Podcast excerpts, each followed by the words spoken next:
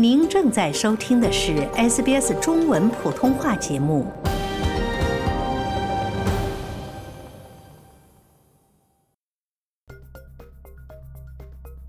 各位听众，大家好，我是 Lauren 陈龙。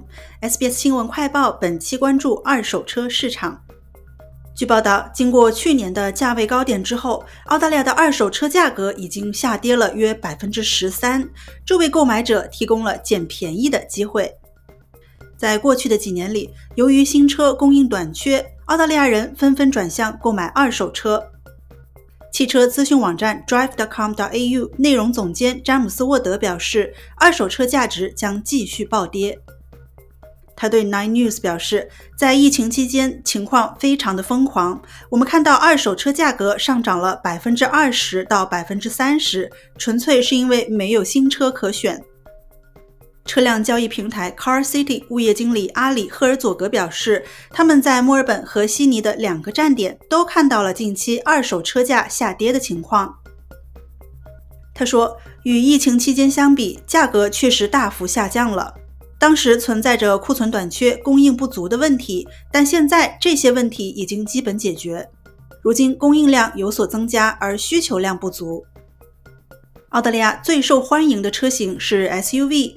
而三年车龄的马自达 CX-8 和 CX-9 的价格下降了近四分之一，使它们成为市场上性价比最高的车型之一。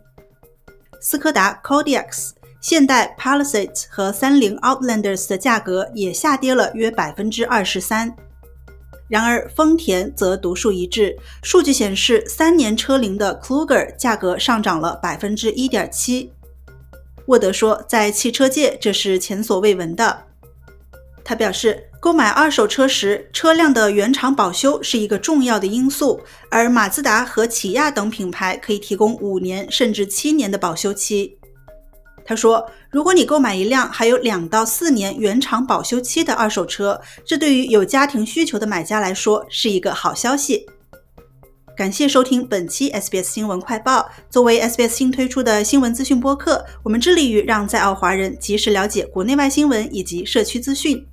在任何播客平台搜索 SBS 普通话，点击订阅，开启消息提醒，不错过任何突发新闻。